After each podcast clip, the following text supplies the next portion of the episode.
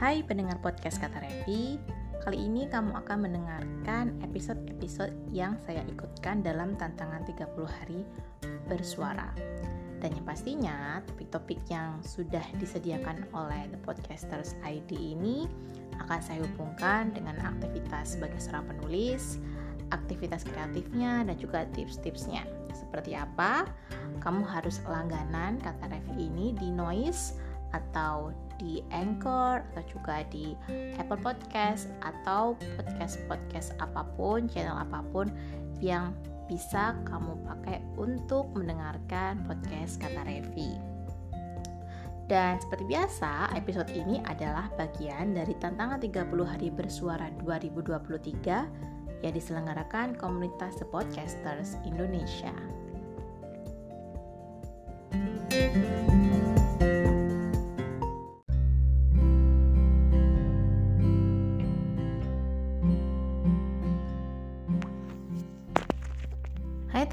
pendengar podcast Kata Revi Hari ini kita memasuki hari ketiga dari uh, tantangan 30 hari bersuara 2023 Dan yang akan kita bahas adalah tentang persepsi Nah, apa nih yang akan saya bahas kali ini? Persepsi yang salah ketika kalian membangun branding terutama branding sebagai seorang penulis. Tapi for your information, apa yang saya sampaikan ini secara general bisa dilakukan atau juga bisa diartikan untuk branding apa pun itu. Jadi tidak melulu hanya sebagai seorang penulis saja. Tapi karena kalian tahu kalau kata Revi kebanyakan membahas tentang aktivitas sebagai seorang penulis, maka ini buat kalian yang memang pengen banget uh, mengetahui bagaimana cara membangun branding, tips-tipsnya, you should listen it until the end. Jadi kamu harus mendengarkannya sampai selesai. Ada beberapa hal yang menurut saya itu salah tentang persepsi seba uh, sebagai seorang penulis yang pengen membangun personal branding. Kalau ada yang bilang, yang penting tulisannya bagus gitu kan. Terus uh, buat apa kita susah-susah membangun branding? Ya, kalau itu dulu mungkin masih bisa kita maklumi. Tetapi ketika kalian sekarang sudah memasuki era media sosial, kalian juga harus sadar bahwa penerbit juga butuh penulis yang semangat membangun brandingnya. Karena saya sendiri ketika menerbitkan buku entah di penerbit indie, terutama yang mayor ya, ebook-ebook saya yang mayor seperti di Mizan, itu juga ada formulir yang menyatakan bagaimana cara kita untuk promosi, lalu apa media sosial kita, kayak gitu. Dan juga selama ini uh, Instagram penerbit atau akun media sosialnya penerbit itu juga aktif mempromosikan penulis-penulis mereka. Kalau memang kita sayang sama karya kita ya tentunya kita juga harus belajar membangun branding. Nah, ada beberapa persepsi yang salah mengenai branding dan saya merangkumnya menjadi tiga hal. Yang pertama, yaitu persepsi yang salah mengatakan bahwa branding itu sama dengan marketing. Nah, ini uh, sering sekali pertanyaan ini muncul ketika murid-murid saya di kelas menulis entah itu komunitas atau privat belajar copywriting. Mereka merasa bahwa kenapa kok uh, salesnya rendah gitu ya, padahal secara engagement di media sosial itu bagus, web trafficnya bagus, tapi kenapa kok produk ini nggak terlalu laris? Contohnya begitu. Atau mungkin kenapa kok e, ketika dilakukan analisis ternyata belum banyak orang-orang yang ingat sama brand yang kita buat. Sedih sekali orang atau perusahaan yang sedang membangun brand itu menyamakan bahwa proses branding sama dengan marketing Padahal itu salah. Marketing itu berkaitan dengan apakah produk kalian bagus, bagaimana kalian uh, memberikan after sales service.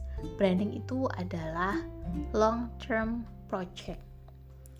Tidak selalu membawa atau drive sales atau traffic. Bahkan kalian yang belum punya produk sekalipun itu perlu membangun branding supaya bisa terbangun engagement dan trust ada orang percaya gitu sama kalian. E, contohnya begini, misalnya kalian sering mendengar atau mungkin membaca di media sosial cerita tentang Colonel Sanders tentang yang mendirikan KFC atau menjadi founder dari KFC. Yang diangkat bukan soal ayamnya, tetapi bagaimana Colonel Sanders memulai usahanya di usia 60 tahun ke atas.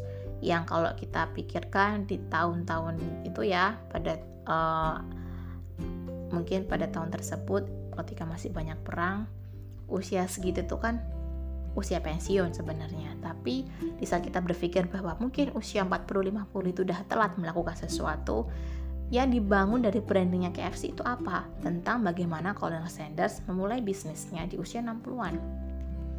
Di usia yang termasuk udah lansia. Ini memberikan efek kedekatan kepada kita yang relatable bahwa kita bisa memulai di usia apa pun tentang passion yang kita punya, termasuk soal bisnis. It's branding. Ini membuat orang melihat KFC bukan sebagai produk ayam saja, tetapi sebagai sebuah perwujudan passion seorang Colonel Sanders. Kita jadi merasa punya pride atau punya proud gitu.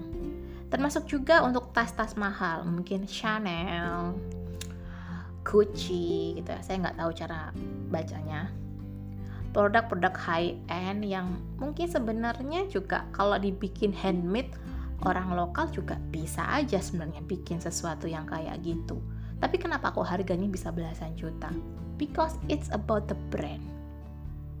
Kualitinya pasti, tetapi ada nilai pride.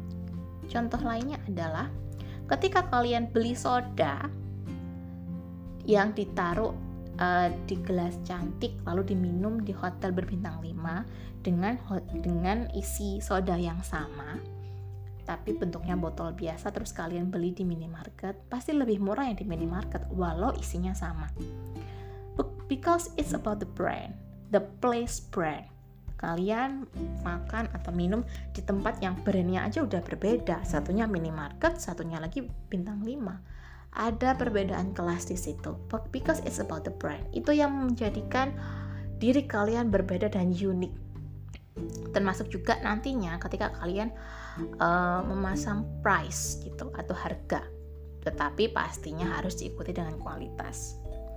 Jadi branding is not about marketing kalau marketing biasanya lebih pendek usianya karena memikirkan ya misalnya soal digital marketing mikirin soal retensi website soal konten marketing dan lain-lain. Memikirkan soal traffic ada KPI tapi branding is long term game.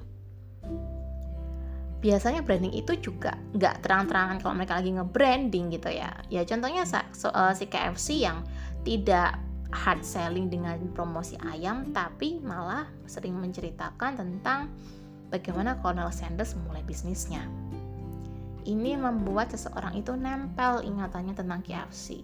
Jadi image yang dibangun hingga mudah dan lengket di kepala kita, it's branding. It's not about marketing. Kemudian persepsi yang salah tentang branding berikutnya adalah mengatakan bahwa proses branding itu mahal. Padahal dengan medsos kalian bisa membangun branding nol rupiah. Ya pastinya ada biaya internet ya. Tapi kan kalian menggunakan internet untuk segala hal gitu kan. Nggak cuma untuk main medsos. Jadi ibaratnya ya tetap murah kalau menurut saya.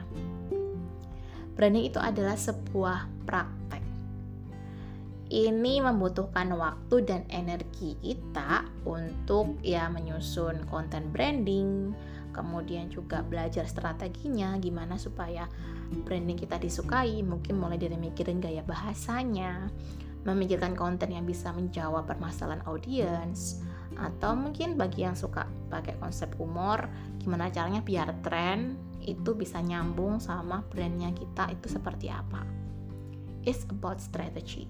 Jadi itu nggak mahal kalian itu perlu riset kalian juga perlu untuk mengetahui image apa yang ingin kalian bangun. Apakah ada branding gap antara tujuan kalian dengan posisi kalian saat ini? Itu PR-nya. Jadi bukan tentang kalian bayar followers, kemudian kalian beli uh, akun bot untuk bisa bikin jumlah followers kalian banyak. It's not about the branding. Percuma aja kalian jumlah followers banyak, tapi orang-orang tidak menganggap atau di kepala mereka tidak mengingatmu sebagai brand yang kamu butuhkan. Misalnya, percuma nih misalnya saya beli followers tapi orang-orang nggak tahu kalau Revi itu punya wordholic class atau dia seorang penulis. Malah taunya dia itu penerjemah. Nah sekarang lebih banyak orang di luar sana lebih paham kalau saya ini adalah penulis dan mereka kira kalau penerjemah itu pekerjaan sampingan. Padahal enggak malah nulis ini yang side job gitu, side hustle. Jadi ini berarti branding saya sebagai seorang penulis dan founder Workaholic Class sudah berhasil. It's not about the price.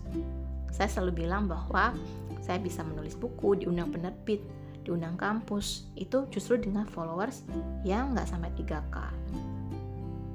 Jadi ini artinya my branding works. Ya kan? Nah, persepsi yang terakhir yaitu persepsi yang ketiga, branding itu gak hanya soal produk atau layanan. Makanya tadi saya bilang bahwa kalau marketing ada hubungannya sama itu. Benar memang produk atau layanan kalian, misalnya nih buat kalian yang punya produk, itu kalian bisa membuat konten tentang benefitnya lalu hubungkan dengan konten yang relatable dengan audiens. Tetapi di awal tadi kan saya sempat bilang bahwa sebelum kalian punya produk, sebelum kalian punya service atau jasa, kalian sebaiknya mulai membangun brand. Terutama kalau kalian punya passion pada bidang tertentu. Apa yang bisa dibangun? Ya proses belajar kalian. Jadi ketika kalian kalau mau bikin brand, usahakan tiga bulan itu kalian tekun praktek mempelajari sesuatu hingga levelnya bisa level 2 atau level 3. Nah, bagikan pengalaman belajar kalian lewat media sosial, podcast, whatever it is. Untuk orang-orang yang levelnya 0 atau 1. Seiring berjalannya waktu, kalian akan bisa menjadi expert. Dan satu syarat yang penting, kalian nggak boleh berhenti buat belajar atau mencoba dan praktek karena proses branding ini akan terhenti ketika kalian sama sekali nggak ada progres. Apa yang mau dikontenkan, apa yang mau dibagikan, if you don't have a story. Nah, itulah tiga persepsi tadi yang teman-teman harus ingat tentang branding. Yang pertama, branding itu bukan marketing. Yang kedua, proses branding itu bukan hal yang mahal. Dan yang ketiga, persepsi branding itu harus punya produk atau service itu salah. Kalian malah bisa bikin branding sebelum kalian punya produk. Oke, semoga ini membantu terutama buat teman-teman yang suka nulis. Start from now dan jangan lupa untuk praktek terus. Sampai jumpa di podcast KTRV berikutnya.